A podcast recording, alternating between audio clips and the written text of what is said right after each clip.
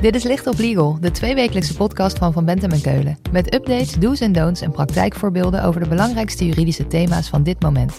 Pragmatisch vertaald naar de impact op jouw organisatie. Gebracht door onze eigen experts.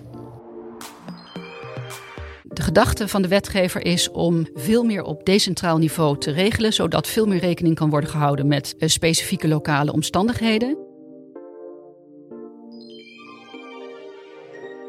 De omgevingswet komt er in 2023 aan. Dat heeft ook gevolgen voor wat wordt gezien als een milieubelastende activiteit.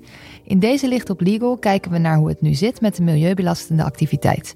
Wat er gaat veranderen onder de omgevingswet en welke impact dat heeft op bedrijven. Dat doen we met Monique Rus. Zij stelt zich even voor. Mijn naam is Monique Rus. Ik ben specialist op het gebied van omgevingsrecht. Ik geef uh, samen met uh, Frank Mulder uh, leiding aan het team omgevingsrecht en bestuursrecht. En Monique geeft regelmatig lezingen en cursussen over de omgevingswet en kan je daarom als geen ander bijpraten over dit onderwerp en wat het betekent voor gemeenten en bedrijven. Monique, we hebben het er in een eerdere podcast al over gehad, maar nog even in vogelvlucht. De omgevingswet, hoe zit dat ook alweer? De omgevingswet treedt als het goed is in werking op 1 januari aanstaande. Helemaal zeker is dat nog niet, omdat de Eerste Kamer daar nog over moet besluiten. En dat zal gaan gebeuren begin november.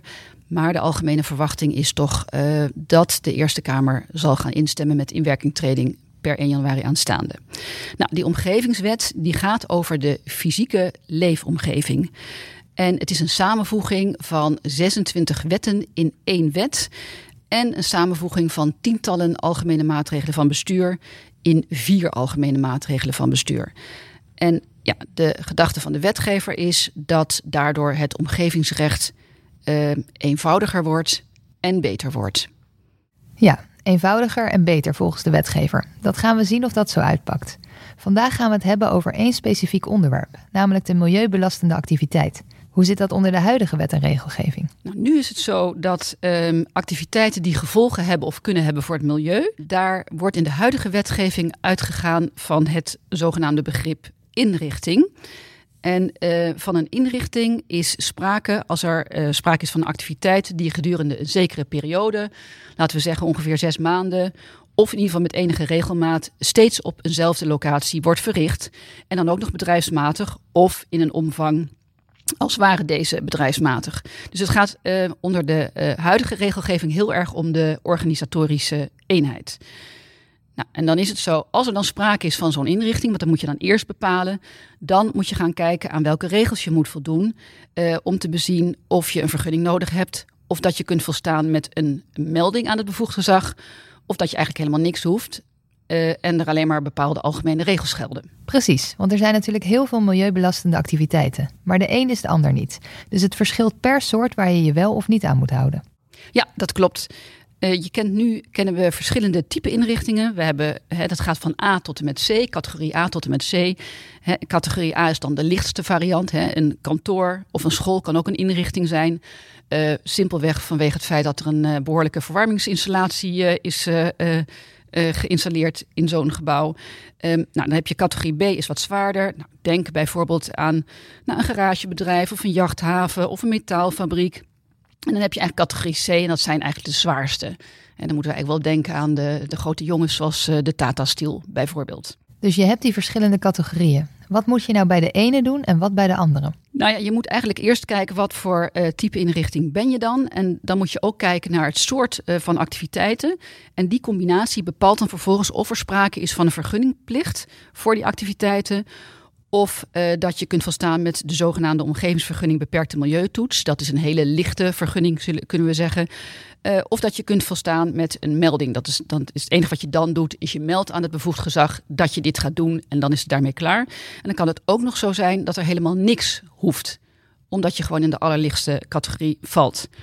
Nou, en dan is het ook nog eens een keertje zo dat ons huidige activiteitenbesluit Milieubeheer zegt dat je voor bepaalde activiteiten sowieso aan bepaalde regels moet voldoen. En dat is even dan los van de vraag of je wel of niet die vergunning nodig hebt. Dat is dus nu best wel een complex systeem van regels. Maar gelukkig komt de omgevingswet eraan.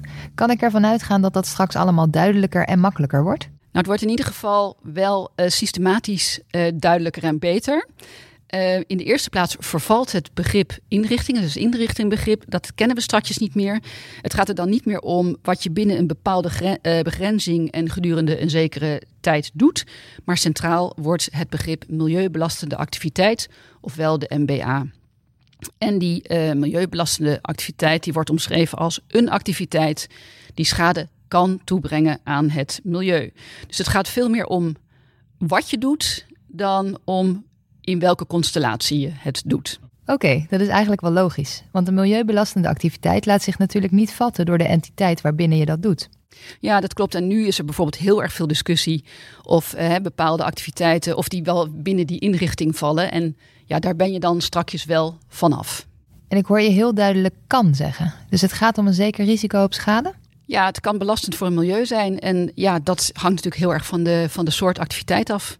Dus bepaalde activiteiten zijn milieubelastend. Maar hoe wordt dat bepaald? Ja, daarvoor moet je kijken in het besluit activiteiten leefomgeving, ofwel het BAL uh, in de wandelgangen. En dat BAL dat bepaalt of een activiteit een milieubelastende activiteit is. Dus die wijst die milieubelastende activiteit aan. En uh, dan zegt het BAL vervolgens ook nog hè, of voor zo'n activiteit dan een vergunningplicht uh, geldt of een meldingsplicht. Uh, of, en zo ja, welke algemene regels er van toepassing zijn. Dus eigenlijk heb je een soort hè, drietrapsraket. Ehm, je kijkt gewoon in het bal wat, welke activiteit is milieubelastend. Dan wordt er bepaald wanneer is de activiteit vergunningplichtig. En dan uh, kun je in de hoofdstukken 4 en 5 van de bal nog zien welke inhoudelijke regels uh, uh, van toepassing zijn, welke inhoudelijke regels sowieso gelden. En dat is eigenlijk ook nog los van de vraag of je een vergunning nodig hebt. Oké, okay. het lijkt dus op zoals het op dit moment is. Dat ondanks dat er geen vergunning nodig is, er toch wel regels zijn voor die activiteit. Ja, dat klopt. Het juridisch kader is mij helder. Kan je het eens duidelijk maken met een voorbeeld? Ja, zeker kan dat. Um, neem bijvoorbeeld uh, de activiteit opslag van gevaarlijke stoffen in verpakking. Nou, dan kun je denken aan schoonmaakmiddelen, uh, verf en dat soort zaken, hè, dus waar bijtende stoffen in zitten. Um, nou, daarvan kan sprake zijn bijvoorbeeld bij een, uh, een schildersbedrijf, maar ook bijvoorbeeld bij de Action, hè, die allerlei flessen aceton en chloor enzovoort heeft opgeslagen. Of bij een distributiecentrum van de bol.com of bij de Coolblue. Nou, en dan zegt het bal, um, wanneer dat, die opslag van die verpakte gevaarlijke stof een milieubelastende activiteit is. En dan staat er in het bal, nou dat gaat, is dan het geval als het gaat om opslag van meer dan 1000 kilo. Dan wel weer in een bepaalde klasse. Want ja, we gaan het ook weer niet al te simpel maken natuurlijk. Uh, en dan zegt het bal ook, als je nou hè, meer dan 1500 kilo opslaat, dan heb je een vergunning nodig. Dus eigenlijk kun je zeggen, hè, onder de 1000 kilo ben je buurtvrij. Uh, tussen de 1000 en de 1500 kilo, ja, uh, wel milieubelastende activiteit, maar nog geen vergunning nodig.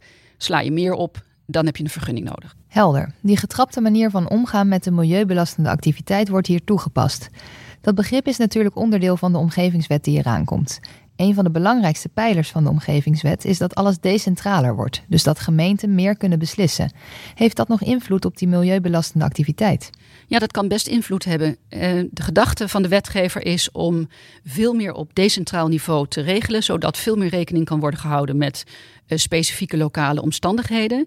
En waar je nu dus bijvoorbeeld regels kent voor geluid, trilling en geur op rijksniveau, uh, zullen die regels strakjes uitzakken naar het lokale niveau, bijvoorbeeld hè, in het omgevingsplan. Um, en um, nou, die regels die gelden dan, dus daar zul je dan uh, als bedrijf wel aan moeten voldoen. En dat geldt dan ook als de activiteit die je uitvoert niet een milieubelastende activiteit is. En de gemeente kan daar ook op handhaven als je daar niet aan voldoet. Dus dat betekent ook dat je per gemeente moet gaan kijken welke regels er gelden. Ja, dat klopt. Omdat de gemeenten veel meer vrijheid uh, uh, hebben, kunnen ze ook strengere regels uh, stellen. En dus het kan wel zo zijn dat het in de ene gemeente ja, de geluidsnormen strenger zijn dan in een andere gemeente. En betekent dat ook dat gemeenten ook zomaar ad hoc regels kunnen aanpassen?